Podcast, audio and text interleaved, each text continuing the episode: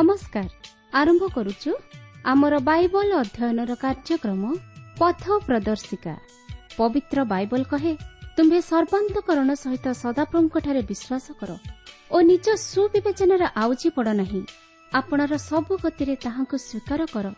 ତହିଁରେ ସେ ତୁମ୍ଭର ପଥ ସବୁ ସରଳ କରିବେ। ଆସନ୍ତୁ ସେହି ପଥ ପ୍ରଦର୍ଶକଙ୍କର ସନ୍ଧାନ ପାଇବା ନିମନ୍ତେ ଶୁଣିବା ବେତାର କାର୍ଯ୍ୟକ୍ରମ ପଥ ପ୍ରଦର୍ଶିକା।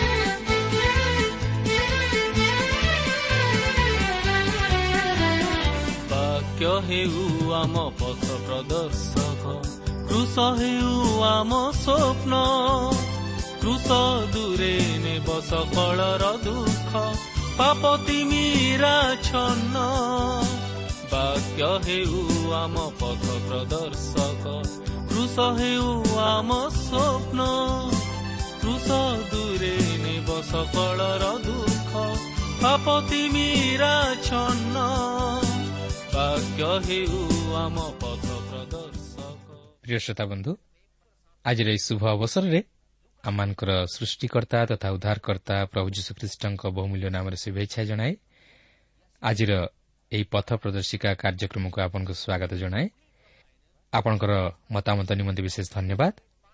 ଆପଣଙ୍କର ପ୍ରଶ୍ନର ଉତ୍ତର ମଧ୍ୟ ଆମେ ପତ୍ର ମାଧ୍ୟମରେ ଆପଣଙ୍କ ନିକଟକୁ ପଠାଇ ସାରିଛୁ। କେବଳ ସେତିକି ନୁହେଁ ସେଥିସହିତ ଏକ ଉପାଦେୟ ପୁସ୍ତକ ମଧ୍ୟ ପଠାଇଛୁ। ତାହା ବୋଧହୁଏ ଆପଣଙ୍କର ହସ୍ତଗତ ହୋଇସାରିଥିବ ତେଣୁ ତାହା ଅଧ୍ୟୟନ କରନ୍ତୁ। ଆଉ ସେହି ବାକ୍ୟ ମଧ୍ୟ ଦେଇ ଆପଣ କେଉଁପରି ଭାବରେ ନିଜର ଜୀବନରେ ଉପକୃତ ହୋଇପାରିଛନ୍ତି ତହିଁର ସାକ୍ଷ୍ୟ ପତ୍ର ମାଧ୍ୟମରେ ଆମ ନିକଟକୁ ତୁରନ୍ତ ଲେଖି ଜଣାଇବା ନିମନ୍ତେ ଅନୁରୋଧ।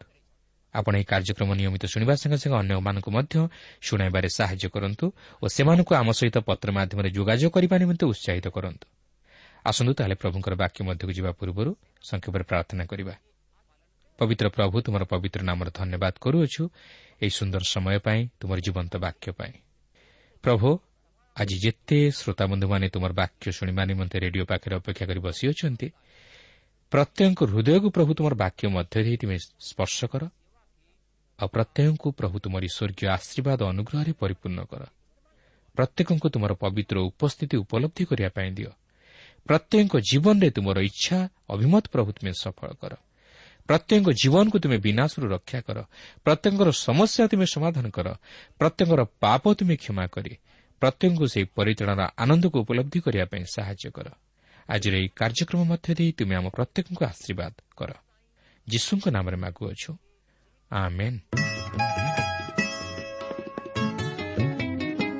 ଆସନ୍ତୁ ବର୍ତ୍ତମାନ ଆମେ ପ୍ରଭୁଙ୍କର ବାକ୍ୟ ମଧ୍ୟକୁ ଯିବା। ଆଜି ଆମେ ଗଣନା ବତିଶ ପର୍ବର ଅଠେଇଶ ପଦରୁ ଆରମ୍ଭ କରି ତେତିଶ ପର୍ବର ଛପନ ପଦ ପର୍ଯ୍ୟନ୍ତ ଅଧ୍ୟୟନ କରିବା ନିମନ୍ତେ ଯିବା।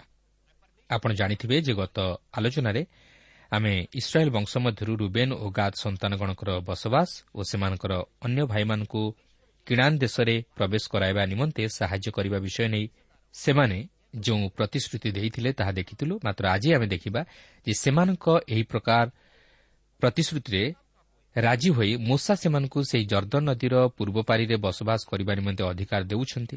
ମାତ୍ର ସର୍ତ୍ତ ହେଉଛି ଯେ ଯଦି ସେମାନେ ସେମାନଙ୍କର ପ୍ରତିଜ୍ଞା ଅନୁଯାୟୀ କାର୍ଯ୍ୟ କରି ସେମାନଙ୍କର ଭାଇମାନଙ୍କୁ ସେହି କିଣା ଦେଶରେ ପ୍ରବେଶ କରାଇବା ନିମନ୍ତେ ସହଯୋଗ କରନ୍ତି ଓ ସେମାନଙ୍କ ନିମନ୍ତେ ଯୁଦ୍ଧ କରି ସେମାନଙ୍କୁ ଶତ୍ରୁ ହସ୍ତରୁ ରକ୍ଷା କରନ୍ତି ତାହେଲେ ସେମାନେ ସେହି ଜର୍ଦ୍ଦନର ପୂର୍ବ ପାରିରେ ବସବାସ କରିବା ନିମନ୍ତେ ଅଧିକାର ପାଇବେ। ମାତ୍ର ସେମାନେ ଯଦି ସେହି ପ୍ରତିଜ୍ଞା ଅନୁଯାୟୀ କାର୍ଯ୍ୟ ନ କରି ସେମାନଙ୍କ ଭାଇମାନଙ୍କୁ ସହଯୋଗ ନ କରନ୍ତି ତାହେଲେ ସେମାନେ ସେହି କିଣାନ୍ ଦେଶରେ ଅଧିକାର ପାଇବେ। ମାତ୍ର ଜର୍ଦ୍ଦନର ପୂର୍ବ ପାରିରେ ବସବାସ କରିପାରିବେ ନାହିଁ। ଆସନ୍ତୁ ଦେଖିବା ଯେ ମୂଷା ସେମାନଙ୍କୁ କିପରି ଜର୍ଦ୍ଦ ନଦୀର ପୂର୍ବ ପାରିରେ ବସବାସ କରିବା ନିମନ୍ତେ ସେମାନଙ୍କୁ ଅଧିକାର ଦେଉଛନ୍ତି। ତେବେ ଗତପାଠରେ ମୁଁ ଆପଣଙ୍କୁ ଜର୍ଦ୍ଦନ ନଦୀର ତାତ୍ପର୍ଯ୍ୟ ଓ ତାହାର ରୂପକ ଅର୍ଥ ବିଷୟରେ ଯାହା କହିବି ବୋଲି କହିଥିଲି ତାହା ବର୍ତ୍ତମାନ ମୁଁ ଆପଣଙ୍କୁ ଜଣାଇବି। କାରଣ ଏହି ଅଂଶରେ ଯଦିଓ ଜର୍ଦ୍ଦ ନଦୀ ବିଷୟରେ କିଛି ଲେଖାଯାଏ ନାହିଁ ମାତ୍ର ଯେତେବେଳେ ସର୍ତ୍ତ ଉଠେ ଯେ କିଣାନ୍ ଦେଶରେ ପ୍ରବେଶ କରିବା ନେଇ ସେତେବେଳେ ଏହି ଜର୍ଦ୍ଦନ ନଦୀର ଗୁରୁତ୍ୱପୂର୍ଣ୍ଣ ଭୂମିକା ଆମର ଦୃଷ୍ଟିଗୋଚର ହୁଏ।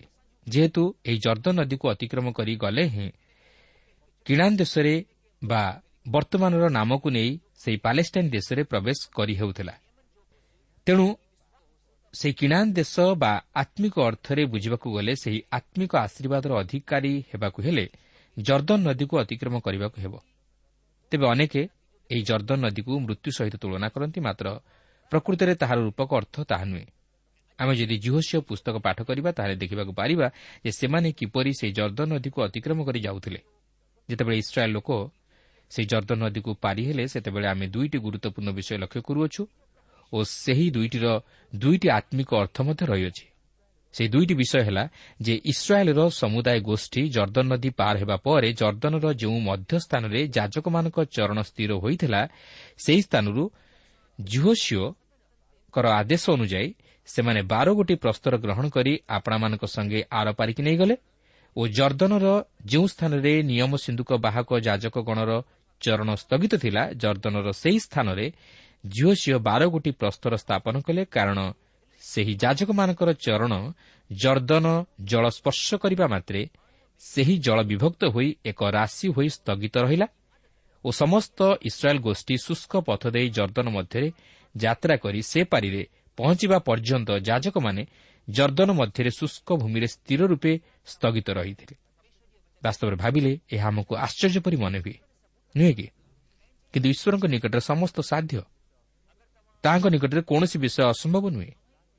କିନ୍ତୁ ଏଠାରେ ଲକ୍ଷ୍ୟ କରିବାର ବିଷୟ ହେଉଛି ଯେ ସେହି ବାର ଗୋଟି ପ୍ରସ୍ତର ଜର୍ଦ୍ଦନ ମଧ୍ୟରେ ରଖାଯିବା ଓ ବାର ଗୋଟି ପ୍ରସ୍ତର ଜର୍ଦ୍ଦନରୁ ନିଆଯିବା ଏହି ଦୁଇଟି ବିଷୟର ଏକ ରୂପକ ଅର୍ଥ ଅଛି। ଏହି ଦୁଇଟି ବିଷୟ ପ୍ରଭୁ ଯୀଶୁଖ୍ରୀଷ୍ଟଙ୍କର ମୃତ୍ୟୁ ଓ ତାଙ୍କର ପୁନରୁତ୍ଥାନର ବିଷୟକୁ ଉପସ୍ଥାପିତ କରେ।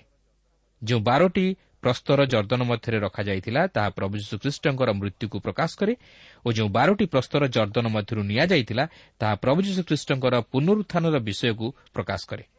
ଆପଣ ଓ ମୁଁ ଆମେ ପ୍ରଭୁ ଯୀଶୁଖ୍ରୀଷ୍ଟଙ୍କର ସେହି କୃଷିୟ ମୃତ୍ୟୁ ଓ ପୁନରୁତ୍ଥାନ ଦ୍ୱାରା ହିଁ ସେହି ଆତ୍ମିକ ଆଶୀର୍ବାଦ ସବୁ ପାଇଥାଉ। କାରଣ ସେହି ପ୍ରଭୁ ଯୀଶୁଖ୍ରୀଷ୍ଟ ଆମମାନଙ୍କ ପାପ ଲାଗି କୃଷିୟ ମୃତ୍ୟୁ ଭୋଗ କଲେ ଓ ସେ ତୃତୀୟ ଦିନରେ ମୃତ୍ୟୁରୁ ପୁନରୁତ୍ଥିତ ହୋଇ ଉଠିବା ଦ୍ୱାରା ତାଙ୍କ ଧାର୍ମିକତା ଦ୍ୱାରା ଆମକୁ ଧାର୍ମିକ କରି ଗଣନା କରନ୍ତି। ତେଣୁ ଜଣେ ଖ୍ରୀଷ୍ଟ ବିଶ୍ୱାସୀ ପ୍ରଭୁ ଯୀଶୁଙ୍କଠାରେ ବିଶ୍ୱାସ କରି ନିଜର ପାପରୁ ଉଦ୍ଧାର ପାଇବା ଦ୍ୱାରା ସେ ପାପ ପ୍ରତି ମୃତ ହୋଇ ଧର୍ମରେ ଜୀବିତ ହୁଏ। ଯେହେତୁ ସେ ସେହି ପାପକୁ ଖ୍ରୀଷ୍ଟଙ୍କ ସହିତ କୃଷରେ ହତ କରି ଖ୍ରୀଷ୍ଟଙ୍କ ସହିତ ଧର୍ମରେ ଜୀବିତ ହୁଏ। ତାହା କେବଳ ଖ୍ରୀଷ୍ଟଙ୍କ ହେତୁ ସାଧିତ ହୋଇପାରେ। ଏହି ପ୍ରକାରେ ଜଣେ ଖ୍ରୀଷ୍ଟଙ୍କ ସହିତ ସଂଯୁକ୍ତ ହୋଇପାରେ ଓ ସେହି ଆତ୍ମିକ ଆଶୀର୍ବାଦକୁ ଗ୍ରହଣ କରିପାରେ। ସେଥିପାଇଁ ପ୍ରଭୁ ଯୀଶୁ ନିଜେ କହନ୍ତି ମୁଁ ପଥ ସତ୍ୟ ଓ ଜୀବନ ମୋ ଦେଇ ନଗଲେ କେହି ପିତାଙ୍କ ନିକଟକୁ ଯାଇପାରେ ନାହିଁ। କହିପାରିବେ ଆଉ କେହି ସେପରି ଦୃଢ଼ତାର ସହିତ କହି ତାହାକୁ କାର୍ଯ୍ୟରେ ପ୍ରମାଣିତ କରିପାରିଛନ୍ତି ବୋଲି? କେହି ନୁହନ୍ତି। କେବଳ ମାତ୍ର ପ୍ରଭୁ ଯୀଶୁ ଖ୍ରୀଷ୍ଟ। ଯାହାକି କେବଳ ବାଇବଲ ମଧ୍ୟରେ ସୀମିତ ନୁହେଁ ମାତ୍ର ସମଗ୍ର ମାନବ ଜାତିର ଇତିହାସରେ ମଧ୍ୟ ଆଲୋଡ଼ନ ସୃଷ୍ଟି କରିଛି। ପ୍ରିୟ ବନ୍ଧୁ ଆଜି ଯଦି ବାସ୍ତବରେ ଆପଣ ନିଜର ପାପରୁ ଉଦ୍ଧାର ପାଇ ସେହି ଆତ୍ମିକ ଆଶୀର୍ବାଦ ଅର୍ଥାତ୍ ସେହି ଆତ୍ମିକ ସୁଖ ଶାନ୍ତି ଓ ଆନନ୍ଦର ଅଧିକାରୀ ହେବାକୁ ଚାହାନ୍ତି ତାହେଲେ ଆପଣଙ୍କୁ ସେହି ପ୍ରଭୁ ଯୀଶୁଖ୍ରୀଷ୍ଟଙ୍କର ଆଶ୍ରୟ ନେବାକୁ ହେବ ଓ ତାହା ସହିତ ସେହି କୃଷରେ ହତ ହେବାକୁ ହେବ ଅର୍ଥାତ୍ ପାପ ପ୍ରତି ମୃତ ହୋଇ ତାହାଙ୍କ ସହିତ ଧର୍ମରେ ଜୀବିତ ହେବାକୁ ହେବ। ସରଳ ଭାବରେ ବୁଝିବାକୁ ଗଲେ ପାପରୁ ଉଦ୍ଧାର ପାଇ ଧାର୍ମିକ ଜୀବନଯାପନ କରିବାକୁ ହେବ। ତାହେଲେ ଆପଣ ସେହି ଆତ୍ମିକ ଆଶୀର୍ବାଦର ଅଧିକାରୀ ହୋଇପାରିବେ। ଏହି ଗଣନା ବତିଶ ପର୍ବରେ ଆପଣ ଲକ୍ଷ୍ୟ କରିବେ ଯେ ଇସ୍ରାଏଲ୍ ଲୋକମାନଙ୍କୁ ସେହି କିଣା ଦେଶରେ ପ୍ରବେଶ କରି ସେହି ଦେଶର ସୁଖ ସମ୍ଭବକୁ ଉପଲବ୍ଧି କରିବାକୁ ଥିଲା ମାତ୍ର ସେମାନଙ୍କୁ ସେହି ଜର୍ଦ୍ଦନ ନଦୀ ପାର ହେବାକୁ ଥିଲା। ସେହି ବାରଟି ପ୍ରସ୍ତର ଜର୍ଦ୍ଦନ ମଧ୍ୟ ଦେଇ ଯାତ୍ରା କରି ନେବାକୁ ଥିଲା ଓ ବାରଟି ପ୍ରସ୍ତର ମଧ୍ୟ ରଖିବାକୁ ଥିଲା। ସେହିସବୁ କେବଳ ଇସ୍ରାଏଲ୍କୁ ଓ ତାହାର ପରବର୍ତ୍ତୀ ବଂଶଧରକୁ ଓ ଆଜି ଆମମାନଙ୍କୁ ତାହା ସ୍କରଣ କରାଇଦେବା ନିମନ୍ତେ ଏରୂପ କରାଯାଇଥିଲା। ତେବେ ଏହି ଅଂଶରେ ଆପଣଙ୍କ ମନରେ ପ୍ରଶ୍ନ ଉଠିପାରେ ଯେ କାହିଁକି ବାରଟି ପ୍ରସ୍ତର ନିଆଗଲା ବା ସେହି ଜର୍ଦ୍ଦନ ମଧ୍ୟରେ ରଖାଗଲା କାହିଁକି ତାହାଠାରୁ ଅଧିକ ବା କମ୍ ରଖାଗଲା ନାହିଁ? ତେବେ ଏହି ବାରଟି ପ୍ରସ୍ତର ଇସ୍ରାଏଲ୍ ବଂଶର ସଂଖ୍ୟାନୁସାରେ ଗ୍ରହଣ କରାଯାଇଥିଲା। ଯେହେତୁ ଇସ୍ରାଏଲ୍ ମଧ୍ୟରେ ବାରଟି ଗୋଷ୍ଠୀ ଥିଲେ ଓ ଏହି ବାରଟି ଗୋଷ୍ଠୀକୁ ନେଇ ଇସ୍ରାଏଲ୍ ବଂଶ ଗଣିତ। କାରଣ ଜାକୁବଙ୍କର ଅନ୍ୟ ନାମ ଇସ୍ରାଏଲ୍ ବୋଲି ରଖାଯାଇଥିଲା ଓ ଏହି ଜାକୁବଙ୍କଠାରୁ ବାରଟି ପୁତ୍ର ଜାତ ହୋଇଥିଲେ ଓ ଏହି ବାରଟି ପୁତ୍ରଙ୍କ ନାମାନୁସାରେ ବାରଟି ଗୋଷ୍ଠୀ ଗଣିତ ହୋଇଥିଲା। ତେଣୁ ଈଶ୍ୱର ଝିଅଶଙ୍କୁ କହନ୍ତି ଇସ୍ରାଏଲ୍ ସନ୍ତାନଗଣର ବଂଶର ସଂଖ୍ୟାନୁସାରେ ବାରଟି ପ୍ରସ୍ତର ଗ୍ରହଣ କର ଓ ବାରଟି ପ୍ରସ୍ତର ସ୍ଥାପନ କର। ମୁଁ ଭାବୁଛି ବର୍ତ୍ତମାନ ଆପଣଙ୍କର ସନ୍ଦେହ ଦୂର ହୋଇଯାଇଥିବ ଓ ଆପଣ ସବୁ ବିଷୟକୁ ଭଲ ଭାବେ ବୁଝିପାରିଥିବେ। ଯଦି କୌଣସି ବିଷୟ ବୁଝିବାର ଅସୁବିଧା ହୁଏ ତାହେଲେ ପତ୍ର ମାଧ୍ୟମରେ ଆମକୁ ଲେଖି ଜଣାଇଲେ ଆମେ ତହିଁର ଉତ୍ତର ଦେବୁ। କିନ୍ତୁ ବର୍ତ୍ତମାନ ଏଠାରେ ଲକ୍ଷ୍ୟ କରିବାର ବିଷୟ ହେଉଛି ଯେ ମୋସା ରୁବେନ୍ ଓ ଗାଦ ସନ୍ତାନଗଣର ମାଗିବା ମୁତାବକ ସେମାନଙ୍କୁ ସେମାନଙ୍କର ଦେଶ ଦେଲେ ଅର୍ଥାତ୍ ଜର୍ଦ୍ଦନର ପୂର୍ବ ପାରିରେ ଥିବା ଦେଶଗୁଡ଼ିକ ଦେଲେ। କିନ୍ତୁ ସେମାନେ କିଣାନ୍ ଦେଶରେ କୌଣସି ଅଧିକାର ପାଇଲେ ନାହିଁ କାରଣ କିଣାନ୍ ଦେଶ ଜର୍ଦ୍ଦନର ଆର ପାରିରେ ଥିଲା। ତେବେ ଆମେ ବର୍ତ୍ତମାନ ବତିଶ ପର୍ବର ଅଠେଇଶ ପଦରୁ ବୟାଳିଶ ପଦ ପର୍ଯ୍ୟନ୍ତ ସମ୍ପୂର୍ଣ୍ଣ ପାଠ କରିବା ନାହିଁ ମାତ୍ର କେବଳ ତେତିଶ ପଦଟିକୁ ପାଠ କରିବା।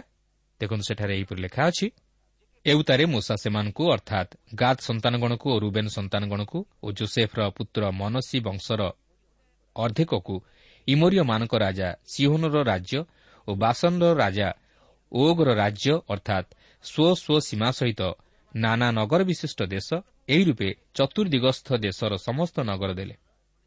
ଲକ୍ଷ୍ୟ କରିବେ ଯେ ମୂଷା ସେମାନଙ୍କର ମାଗିବା ଅନୁଯାୟୀ ସେମାନଙ୍କୁ ସେହି ସମସ୍ତ ଦେଶ ଦେଲେ। ମାତ୍ର ସର୍ତ୍ତ ରହିଲା ଯେ ସେମାନେ ସେମାନଙ୍କର ଭାଇମାନଙ୍କ ସହିତ ଯାଇ ଯୁଦ୍ଧ କରି ସେମାନଙ୍କୁ ସେହି କିଣା ଦେଶରେ ପ୍ରବେଶ କରାଇ ସେହି ଦେଶରେ ସେମାନେ ବସବାସ ନ କଲା ପର୍ଯ୍ୟନ୍ତ ସେମାନଙ୍କୁ ଛାଡ଼ି ଆସିବେ ନାହିଁ।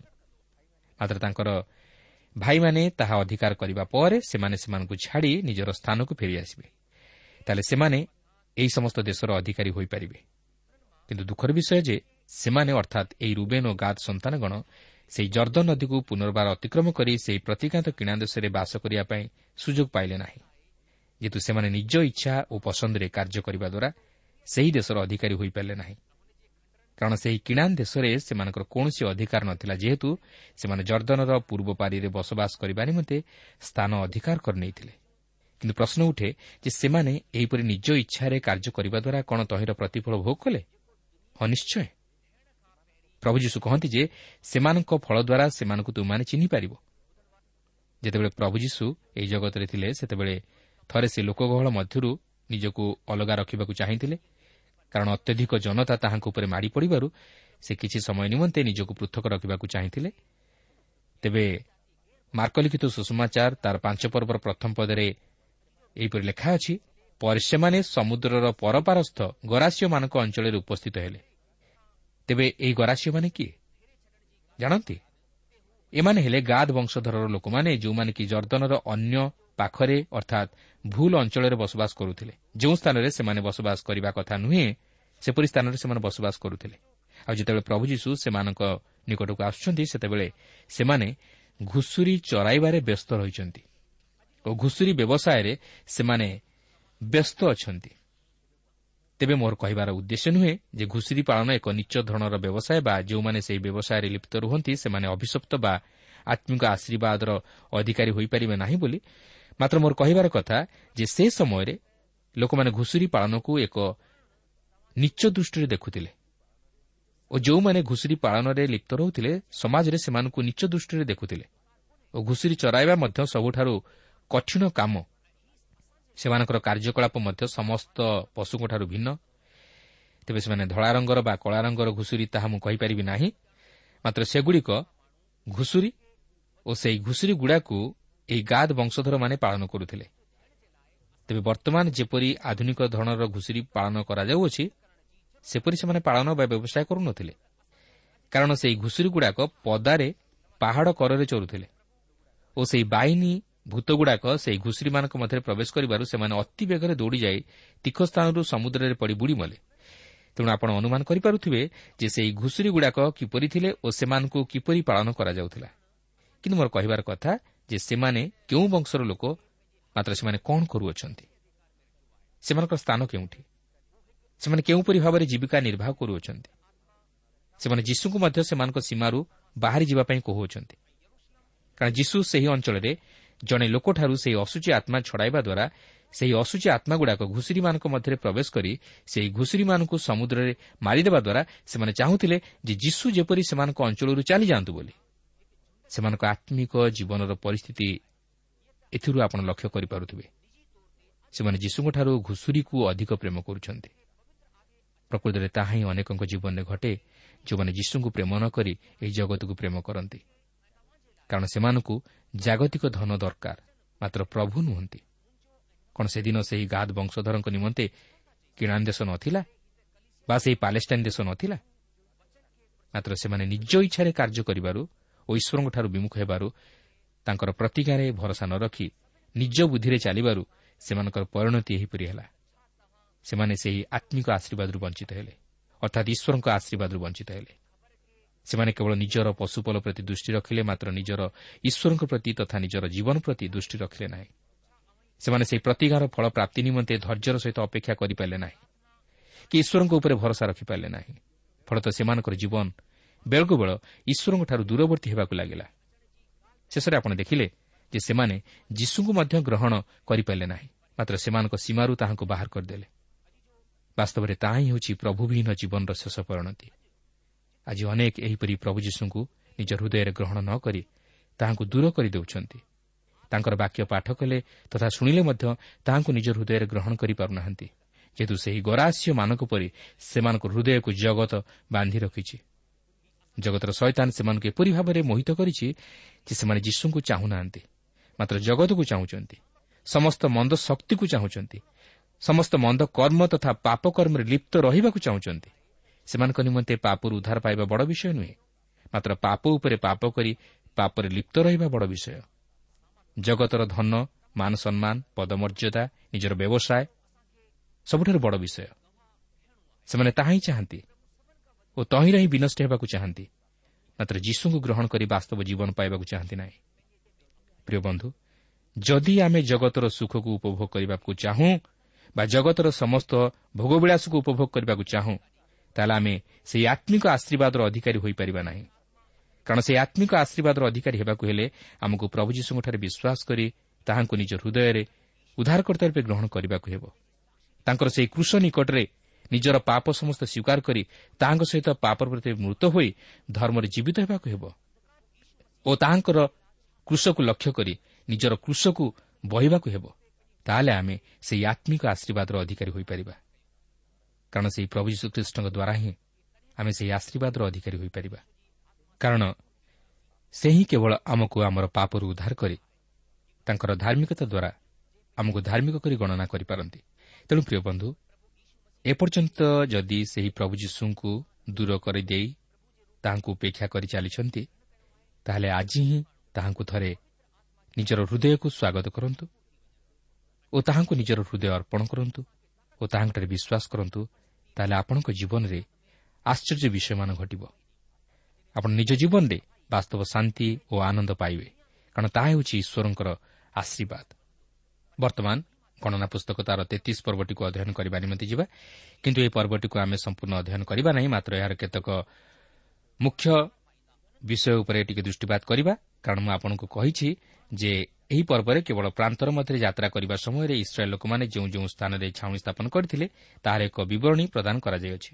କିନ୍ତୁ ସେହିସବୁ ସ୍ଥାନରେ କ'ଣ ଘଟିଲା ତାହା ବର୍ଣ୍ଣନା କରାଯାଇ ନାହିଁ। ତେବେ ଆପଣ ହୁଏତ ପ୍ରଶ୍ନ କରିପାରନ୍ତି ଯେ କାହିଁକି ସେହିସବୁ ସ୍ଥାନରେ ଘଟିଥିବା ଘଟଣାଗୁଡ଼ିକୁ ବର୍ଣ୍ଣନା କରାଯାଇ ନାହିଁ? ତେବେ ମୁଁ ଆପଣଙ୍କୁ କହି ରଖେ ଯେ ସେମାନେ ଦୀର୍ଘ ଚାଳିଶ ବର୍ଷର ପ୍ରାନ୍ତର ଭ୍ରମଣ ସମୟରେ ଈଶ୍ୱରଙ୍କ ସନ୍ତୋଷଜନକ ଜୀବନଯାପନ କରିନଥିଲେ କି ଈଶ୍ୱରଙ୍କ ଉପରେ ନିର୍ଭର କରିନଥିଲେ। ମାତ୍ର ଈଶ୍ୱରଙ୍କଠାରୁ ବିମୁଖ ହୋଇ ଜୀବନଯାପନ କଲେ। ଏହାଛଡ଼ା ମଧ୍ୟ ସେମାନେ ସେମାନଙ୍କର ଅବିଶ୍ୱାସ ତଥା ସନ୍ଦେହ ହେତୁ ଏହିପରି ପ୍ରାନ୍ତର ମଧ୍ୟରେ ଦୀର୍ଘ ଚାଳିଶ ବର୍ଷ ଧରି ଭ୍ରମଣ କଲେ। ତେଣୁ ଏ ପ୍ରକାର ଈଶ୍ୱରଙ୍କ ଇଚ୍ଛା ବିରୁଦ୍ଧ ଜୀବନଯାପନ ଈଶ୍ୱରଙ୍କ ଦୃଷ୍ଟିରେ ଗ୍ରହଣଯୋଗ୍ୟ ନୁହେଁ ଓ ଈଶ୍ୱର ମଧ୍ୟ ସେହିସବୁ ବିଷୟକୁ ଗଣନା କରନ୍ତି ନାହିଁ କି ସେହି ସମସ୍ତ ବିଷୟ ଉପରେ ଗୁରୁତ୍ୱ ଦିଅନ୍ତି ନାହିଁ। କାରଣ ତାହା ଈଶ୍ୱରଙ୍କ ଦୃଷ୍ଟିରେ ସନ୍ତୋଷଜନକ ନୁହେଁ ଓ ଈଶ୍ୱର ତହିଁରେ ଖୁସି ନଥାନ୍ତି। ସେଥିପାଇଁ ଆପଣ ଦେଖିବେ ଯେ ଇସ୍ରାଏଲ୍ ଲୋକମାନଙ୍କର ଦୀର୍ଘ ଚାଳିଶ ବର୍ଷର ପ୍ରାନ୍ତର ଭ୍ରମଣ ନେଇ କେବଳ ଅଳ୍ପ କେତୋଟି ଘଟଣା ବର୍ଣ୍ଣିତ ହୋଇଅଛି। ମାତ୍ର ସବିଶେଷ ଘଟଣାବଳୀ ବର୍ଣ୍ଣିତ ହୋଇନାହିଁ। ଯେହେତୁ ସେମାନଙ୍କର କାର୍ଯ୍ୟକଳାପ ଈଶ୍ୱରଙ୍କର ସନ୍ତୋଷଜନକ ନଥିଲା। ତେବେ ବର୍ତ୍ତମାନ ଲକ୍ଷ୍ୟ କରିବାର ବିଷୟ ହେଉଛି ଯେ ଇସ୍ରାଏଲ୍ର ଏହି ନୂତନ ବଂଶଧର ସେହି ପ୍ରତିଗାନ୍ତ କ୍ରୀଡ଼ା ଦେଶରେ ପ୍ରବେଶ କରି ତାହା ଅଧିକାର କରିବାକୁ ଯାଉଅଛନ୍ତି। ମାତ୍ର ତହିଁ ପୂର୍ବରୁ ମୂଷା ସେହି ନୂତନ ବଂଶଧରକୁ ସେମାନଙ୍କର ପିତୃପୁରୁଷଙ୍କର ସେହି ଚାଳିଶ ବର୍ଷର ପ୍ରାନ୍ତର ଭ୍ରମଣ ନେଇ ଏକ ବିବରଣୀ ପ୍ରଦାନ କରିବାକୁ ଯାଉଅଛନ୍ତି। ତେଣୁକରି ଏଠାରେ ମୂଷା ସେହି ବିବରଣୀଟି ଈଶ୍ୱରଙ୍କ ଆଦେଶାନୁସାରେ ଲେଖୁଛନ୍ତି। ତେତିଶ ପର୍ବର ପ୍ରଥମ ଦୁଇ ପଦରେ ଲେଖା ଅଛି ଇସ୍ରାଏଲ୍ ସନ୍ତାନଗଣ ମୂଷା ଓ ହାରଣଙ୍କର ହସ୍ତାଧୀନ ହୋଇ ଆପଣା ଆପଣା ସୈନ୍ୟଶ୍ରେଣୀ କ୍ରମେ ମିଶ୍ର ଦେଶରୁ ବାହାରି ଆସିବା ବେଳେ ଯେଉଁ ଯାତ୍ରା କରିଥିଲେ ତହିଁର ବିବରଣ ଏହି। ମୂଷା ସଦାପ୍ରଭୁଙ୍କ ଆଜ୍ଞାରେ ସେମାନଙ୍କ ଯାତ୍ରାନୁସାରେ ସେମାନଙ୍କ ଗମନର ବିବରଣ ଲେଖିଲେ। ସେମାନଙ୍କ ଗମନାନୁସାରେ ସେମାନଙ୍କ ଯାତ୍ରାର ବିବରଣ ଏହି। ଏ ଅନୁସାରେ ଆପଣ ଲକ୍ଷ୍ୟ କରିବେ ଯେ ଈଶ୍ୱର ସେମାନଙ୍କ ଯାତ୍ରାର ବିବରଣୀ ଲେଖି ରଖିବାକୁ ମୂଷାଙ୍କୁ ଆଜ୍ଞା କରୁଅଛନ୍ତି କାରଣ ଈଶ୍ୱର ଆମର ପ୍ରତିଟି ପଦକ୍ଷେପ ପ୍ରତି ଦୃଷ୍ଟି ରଖିଥାନ୍ତି ଓ ଆମମାନେ କେଉଁଆଡ଼େ ଗମନ କରୁଛୁ ତାହା ସେ ଲକ୍ଷ୍ୟ କରନ୍ତି। ଇସ୍ରାଏଲ୍ ଲୋକମାନେ ଯଦିଓ ଈଶ୍ୱରଙ୍କୁ ଛାଡ଼ି ଅବାଟରେ ଗଲେ ତଥାପି ଈଶ୍ୱର ସେମାନଙ୍କର ଗମନ ପ୍ରତି ଦୃଷ୍ଟି ରଖିଥିଲେ। ତେଣୁକରି ସେ ମୂଷାଙ୍କୁ ତାହା ଲେଖି ରଖିବା ପାଇଁ କହୁଛନ୍ତି ଯଦ୍ୱାରା ତାହା ସେମାନଙ୍କ ଆଗାମୀ ଭବିଷ୍ୟତ ବଂଶଧରମାନଙ୍କ ନିମନ୍ତେ ସ୍କରଣୀୟ ହୋଇ ରହିବ। ପ୍ରକୃତରେ ଈଶ୍ୱର ସେମାନଙ୍କର ପ୍ରାନ୍ତର ଭ୍ରମଣ ସମୟରେ ସେମାନଙ୍କର ପ୍ରତିଟି ପଦକ୍ଷେପରେ ଓ ପ୍ରତ୍ୟେକ ସ୍ଥାନରେ ସେମାନଙ୍କ ସହିତ ଥିଲେ। ମାତ୍ର ସେମାନେ ତାହା ଉପଲବ୍ଧି କରିପାରୁନଥିଲେ।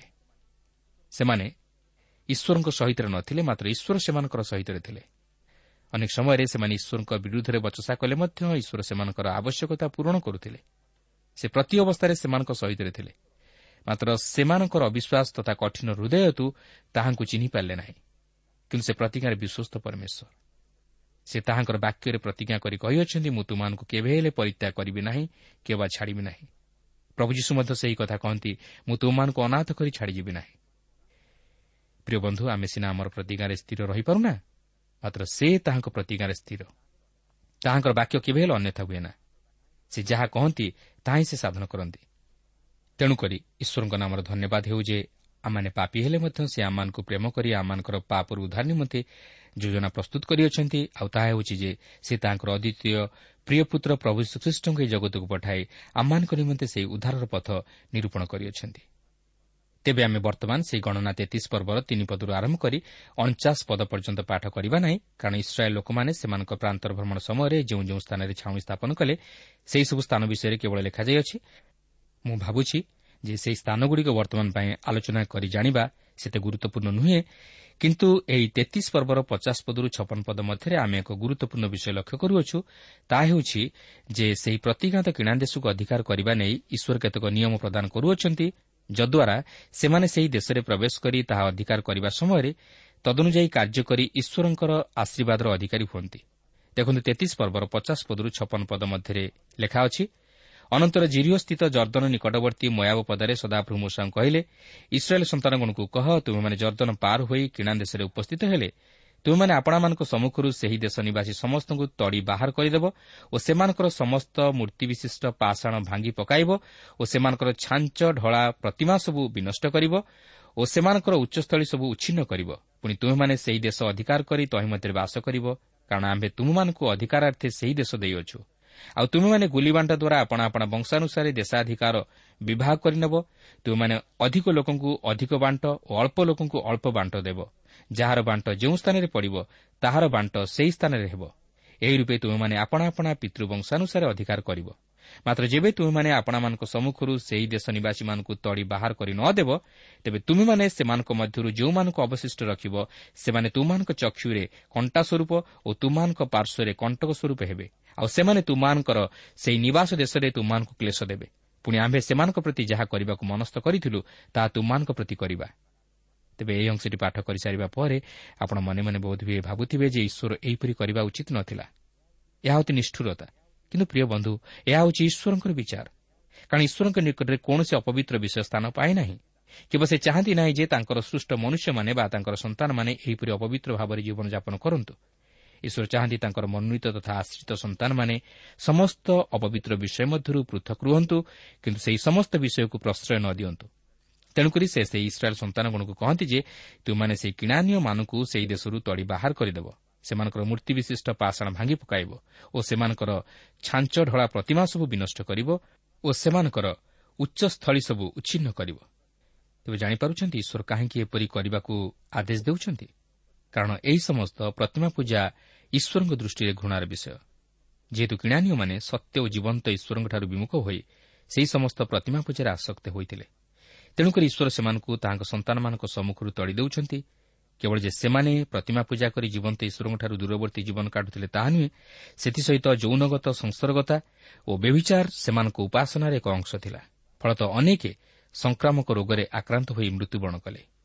ଏହି ସ୍ଥାନର ମହତ୍ୱପୂର୍ଣ୍ଣ ସକାଶେ ଏହି ସ୍ଥାନ ସହିତ ବିଶେଷତଃ ଏହି କିଣାନୀୟମାନଙ୍କ ସହିତ ଅନେକ ବ୍ୟବସାୟୀ ତଥା ଅନେକ ଲୋକଙ୍କର ସମ୍ପର୍କ ଥିଲା ଯାହାଫଳରେ ପୃଥିବୀର ଅନେକ ସ୍ଥାନରେ ସେହି ସମସ୍ତ ରୋଗର ପ୍ରଭାବ ତଥା ସେମାନଙ୍କର କାର୍ଯ୍ୟକଳାପ ପ୍ରତ୍ୟେକ ସ୍ଥାନର ଲୋକଙ୍କୁ ପ୍ରଭାବିତ କରିଥିଲା।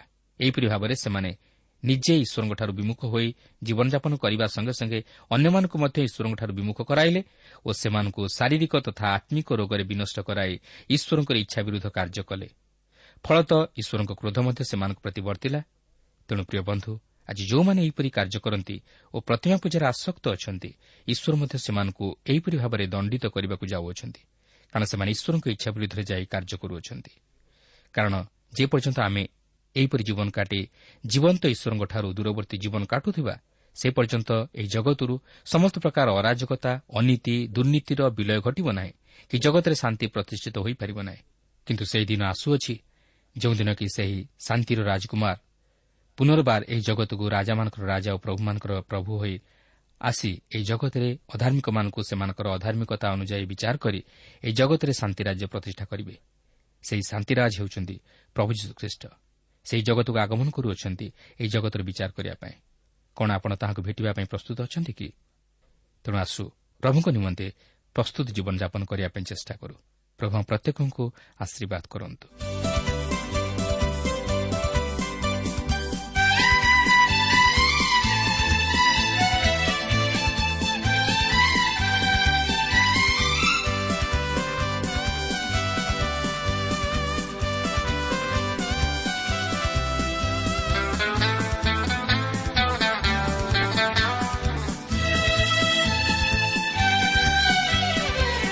ପ୍ରେମକୁ ନୀତି ସ୍ମରୁଥିଲେ ସେହି ଦେବ ମନେ ଶାନ୍ତି।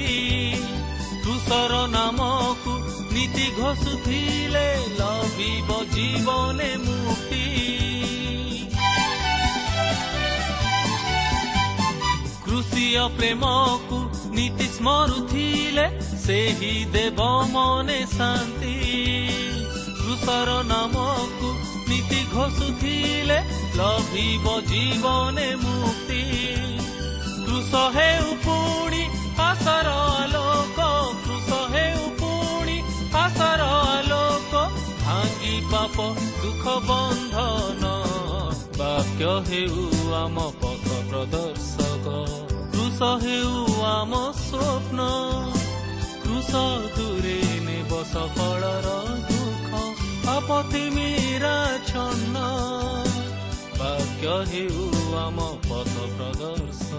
ପ୍ରିୟ ଶ୍ରୋତା ଆମର କାର୍ଯ୍ୟକ୍ରମ ନିୟମିତ ଶୁଣୁଥିବାରୁ ଅଶେଷ ଧନ୍ୟବାଦ। ଆପଣ ଏହି କାର୍ଯ୍ୟକ୍ରମ ଶୁଣିବା ଦ୍ୱାରା ଆତ୍ମିକ ଜୀବନରେ ଉପକୃତ ହୋଇପାରିଥିବେ ବୋଲି ଆମର ବିଶ୍ୱାସ। ପ୍ରଭୁ ଯୀଶୁଙ୍କ ବିଷୟରେ ଅଧିକ ଜାଣିବାର ଆଗ୍ରହ ଥିଲେ ଅଥବା ଉପାଦେୟ ପୁସ୍ତକର ଆବଶ୍ୟକ ଥିଲେ ଆମ ସହ ଯୋଗାଯୋଗ କରନ୍ତୁ। ଆମର ଠିକଣା ପଥ ପ୍ରଦର୍ଶିକା trans world radio India post box number ତିନି ତିନି ଭୁବନେଶ୍ୱର ସାତ ପାଞ୍ଚ ଏକ ଶୂନ ଶୂନ ଏକ ଟେଲିଫୋନ ନମ୍ବର ଶୂନ ଛଅ ସାତ ଚାରି ଦୁଇ ତିନି ଶୂନ ଶୂନ ତିନି ତିନି ପାଞ୍ଚ ଠିକଣାଟି ଆଉଥରେ ଶୁଣନ୍ତୁ ପଥ ପ୍ରଦର୍ଶିକା Trans World Radio India post box number three three Bhubaneswar seven five one zero zero one telephone number zero six seven four two three zero zero three three five ଆମର ଇମେଲ୍ ଆଡ୍ରେସ୍ଟି ଲେଖି ରଖନ୍ତୁ। Odia TV at radio eight eight two dot com ତେବେ ଆଜି ପାଇଁ ବିଦାୟ ଦିଅନ୍ତୁ। ନମସ୍କାର।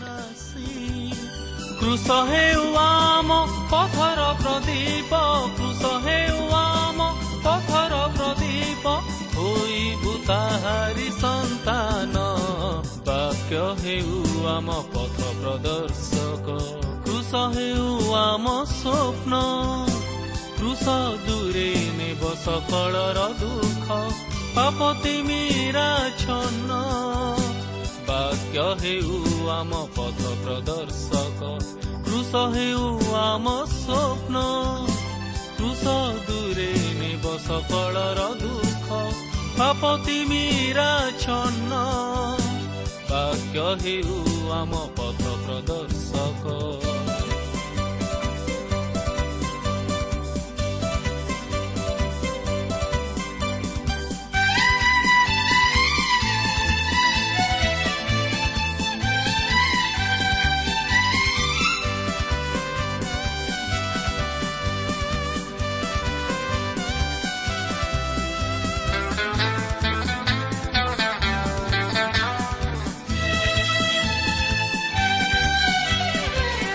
ପ୍ରଦର୍ଶକ ପ୍ରେମକୁ ନୀତି ସ୍ମରୁଥିଲେ ସେହି ଦେବ ମନେ ଶାନ୍ତି।